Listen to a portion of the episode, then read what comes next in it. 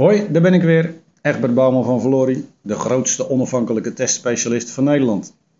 Leuk dat je weer luistert naar deze tweede aflevering van mijn podcast over geautomatiseerd testen. Voor iedereen met een gezonde interesse in dat thema, niet al te technisch, maar ook niet te oppervlakkig.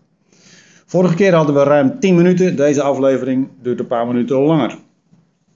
Vorige keer hebben we gezien waarom geautomatiseerd testen geen luxe meer is, maar bittere noodzaak. We hebben ook gezien dat het een softwareproject erbij is, wat te vaak wordt onderschat. In deze aflevering gaan we iets meer de diepte in, namelijk hoe praten die tools nou precies met het te testen systeem. Nou, voordat we daarin duiken, wil ik eerst even twee misverstanden uit de weg ruimen. Misverstand 1. Geautomatiseerd testen is het gebruik van tools. Waarom is dit een misverstand? Nou, vergelijk het met een bouwvakker. Die gebruikt een scala aan tools zoals een hamer, bijtel, boormachine, betonmolen.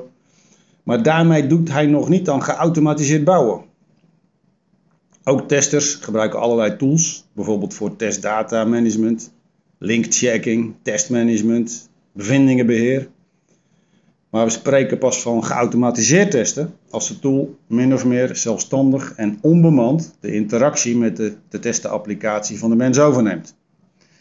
De testrunners dus, de tools voor daadwerkelijke testuitvoering. Dat is waar we het nu over gaan hebben. Dat was misverstand 1. Misverstand 2.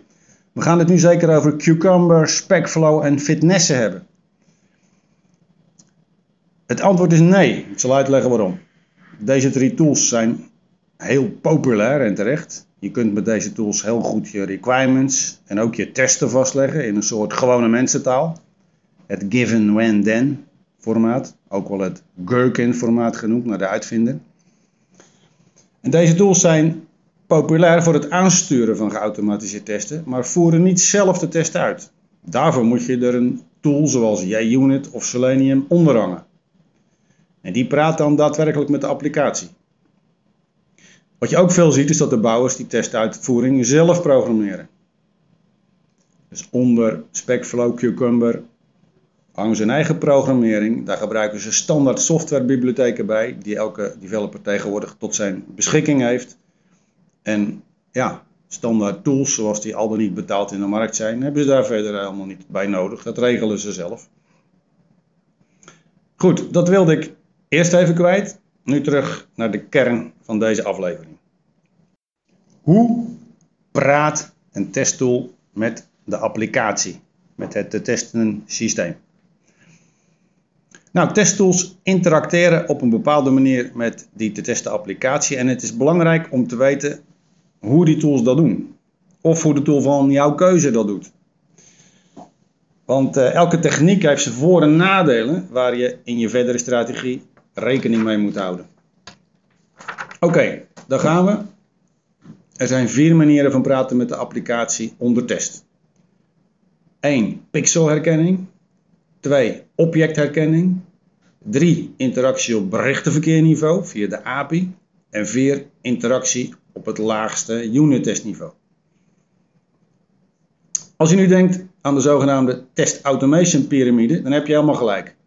Het klopt dat deze vier manieren van interacteren grofweg overeenkomen met de niveaus in de test automation piramide.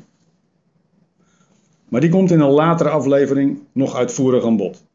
Voor nu wil ik de vier technieken graag uitleggen en dan zijn we er onze tijd heen. Hou je vast, we beginnen met manier 1. Pixelherkenning. Dat is de meest primitieve vorm van herkenning en interactie op pixel- en muispositieniveau op je scherm. Dat gaat dus via de GUI, de grafische user interface. En de tool geeft commando's zoals klik met de muis op die en die schermcoördinaten. Voer die en die toetsaanslagen in en druk op enter. De eerste generatie tools werkt op die manier en leverde nogal kwetsbare scripts. Want je kunt je voorstellen een iets andere plaats van een knop of een iets andere schermresolutie en je hele synchronisatie gaat mis en je script doet het niet meer. Al heel snel gingen daarom bijna alle tools over op herkennen van de objecten onder de motorkap. Dat is methode 2 en die leg ik je straks uit. Wat wel aardig is, er zijn inmiddels ook moderne tools die toch op dat pixelniveau werken. Maar die doen het op een slimmere manier. Namelijk met letterherkenning, Optical Character Recognition, OCR, en patroonherkenning. De reden dat we die oude pixelgebaseerde interactie op een slimme manier weliswaar weer van stal hebben gehaald, is dat je alleen via de buitenste buitenkant praat, namelijk via die pixels op het scherm. En zodoende zijn je scripts totaal onafhankelijk van de onderliggende technologie.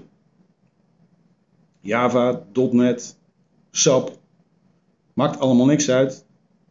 Het werkt met alles wat een beeldscherm heeft, ongeacht wat erachter of eronder zit. Browser, non-browser, Windows, Apple, mainframe, green screen, Oostblok schermen wat mij betreft. Het maakt allemaal niks uit.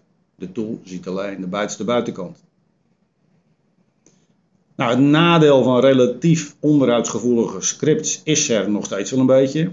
Maar deze tools kunnen een uitkomst zijn bij end-to-end ketentesten in hybride omgevingen met veel verschillende onderliggende technologie onder de motorkap, waar andere tools niet zo goed mee kunnen praten. En omdat je met die techniek niks te maken hebt, kunnen ook niet-technici met dit soort tools een groot deel van het werk doen.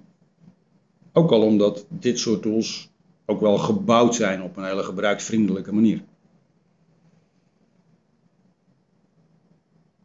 Voorbeelden van tools die deze technologie gebruiken zijn IC Test Automation, gebaseerd op de Citra Test Engine, en Eggplant.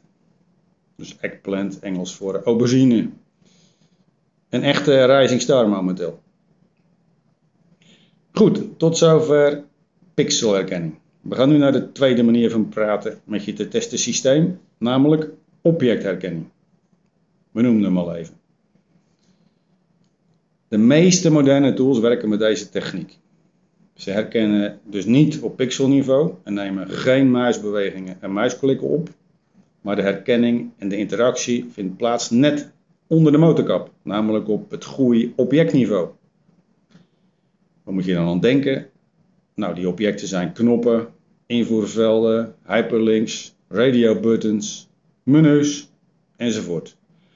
Als je via een browser werkt, kun je met je rechtermuisknop van je browser die objecten zelf inspecteren op allerlei kenmerken. En deze manier van interactie, objectherkenning dus, levert tamelijk robuuste en onderhoudbare scripts. Wat gaan we na?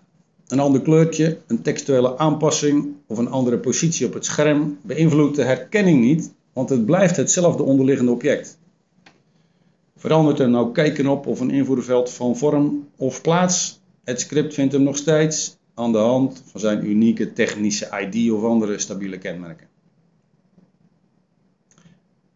Maar let wel even op, wijzigingen van positie en op pixelniveau zijn hier dus geen probleem, maar wijzigingen onder de motorkap juist weer wel. En in sommige ontwikkelomgevingen is het niet ongewoon dat onderliggende ID's niet stabiel zijn, dus de ID's van de objecten, die niet stabiel zijn, maar met een nieuwe beeld opnieuw gegenereerd worden met nieuwe nummers. Nou, als je scripts afhankelijk zijn van die ID's, zullen ze daarna niet meer werken. Maak hier dus goede afspraken over met de ontwikkelaars. Dit is een van de voorbeelden van het belang van goede samenwerking in je team rondom geautomatiseerd testen. Samenwerking tussen testers en ontwikkelaars dus. Nou, populaire tools die deze technologie hanteren zijn bijvoorbeeld Microfocus UFT, voorheen HP Quick Test Pro, Tosca, Test Complete en Ranorex. Net als tools die met pixelherkenning werken, zijn ook deze tools vaak relatief gebruiksvriendelijk en kunnen ze ook door niet-diehard technici worden ingezet. Tot zover objectherkenning. Nu over naar de derde manier van interactie. En die zit een stukje dieper in de zogenaamde technology stack. Die derde manier is interactie via services en berichtenverkeer. Via wat we de Application Program Interface, oftewel de API noemen. Dit soort tools slaat de GUI helemaal over en praat direct met de applicatie via berichten. Vaak SOAP of REST berichten. Meestal gaat dat via de gestandaarde interface, gestandaardiseerde interface die we de Application Program Interface noemen, de API. API-berichtenverkeer wordt ingezet voor interne communicatie tussen verschillende onderdelen van een applicatie, maar ook voor externe interactie in de vorm van services. Een voorbeeld van zo'n bericht kan zijn: Doe mij de woonplaats die hoort bij deze postcode en dit huisnummer. Of doe mij de kredietwaardigheidsgegevens van deze persoon. Of stuur mij een Google Maps fragment met parkering van dit bedrijfsadres. Als dit soort services via het internet lopen, dan noemen we het de webservices.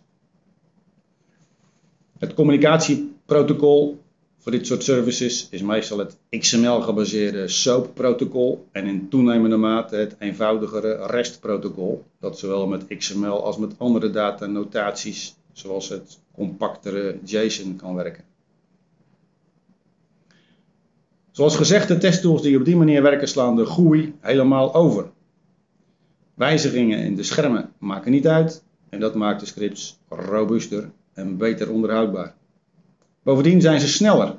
Dezelfde tests draaien op API-niveau tot een factor 1000 of meer sneller dan via de GUI.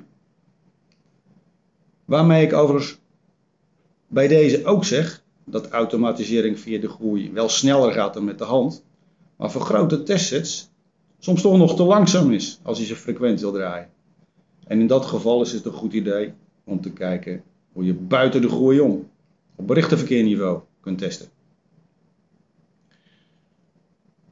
Voor niet-technici heeft deze aanpak wel een nadeel, namelijk je kunt de test niet meer via je vertrouwde GUI zien afspelen op het scherm. Want het speelt zich allemaal onder de motorkap, buiten de schermen om af. Techneuten kunnen het berichtenverkeer natuurlijk wel prima volgen in een technische omgeving, maar het staat verder bij de echte user experience vandaan. Populaire tools voor Berichtenverkeer testen zijn SOAP UI, Postman, Rest Assured, JMeter, is geschikt voor performance testen en API testen. En SOA-test van Parasoft. Nou, tot zover geautomatiseerd testen via het berichtenverkeer. En tot slot kijken we naar de vierde manier. En dat is interactie op software unit niveau. We zitten hier op het niveau van de slagers die eigen vlees keuren. Met die slagers bedoel ik de bouwers, de programmeurs, developers, ontwikkelaars of hoe je ze ook wilt noemen. In ieder geval, zij doen de zogenaamde software unit testen. De testen op het laagste niveau, op het niveau van je softwarecode dus. Denk aan .NET, C Sharp of C++, Java, JavaScript, Perl, Python, you name it. Op dit unit test niveau loopt de interactie dus niet via de GUI en ook niet via een standaard berichteninterface, maar op een nog technischer software niveau. Daarvoor wordt dan meestal een framework opgezet om met de te testen unit te kunnen interacteren. Zo'n framework voorziet in een testrunner, faciliteert de data setup, regelt de opbouw en afbraak van alles wat je nodig hebt. En ehm, het gedrag van nog niet beschikbare code kan ook nog eens worden gesimuleerd, gemokt, zeggen insiders. En uiteraard kun je de respons van het testobject hiermee afvangen en verifiëren. Dat is allemaal noodzakelijk omdat software units kale brokken code zijn. Zonder GUI, vaak ook zonder API. Ja, zonder de context die een complete applicatie wel biedt. Daar heb je dus dat testbed of framework voor nodig. Populaire open source tools die hier ingezet worden zijn XUnit, waaronder JUnit, Mock en MoQ en AutoFixture. En er is nog wel meer. Nou, dat was het voor deze keer. Wat gaan we volgende keer doen? dan wil ik graag alle mogelijke voor- en nadelen van geautomatiseerd testen uitputtend op een rijtje zetten. Want de relevante voor- en nadelen voor jouw situatie kennen is essentiële input voor je business case en munitie in de discussie in jouw organisatie. In de vierde aflevering daarna gaan we inzoomen op de test automation piramide. Super handig bij de keuze op welk niveau je aan de slag gaat. Via de GUI, via de API of op unit testniveau. Sluit dus aan bij deze aflevering.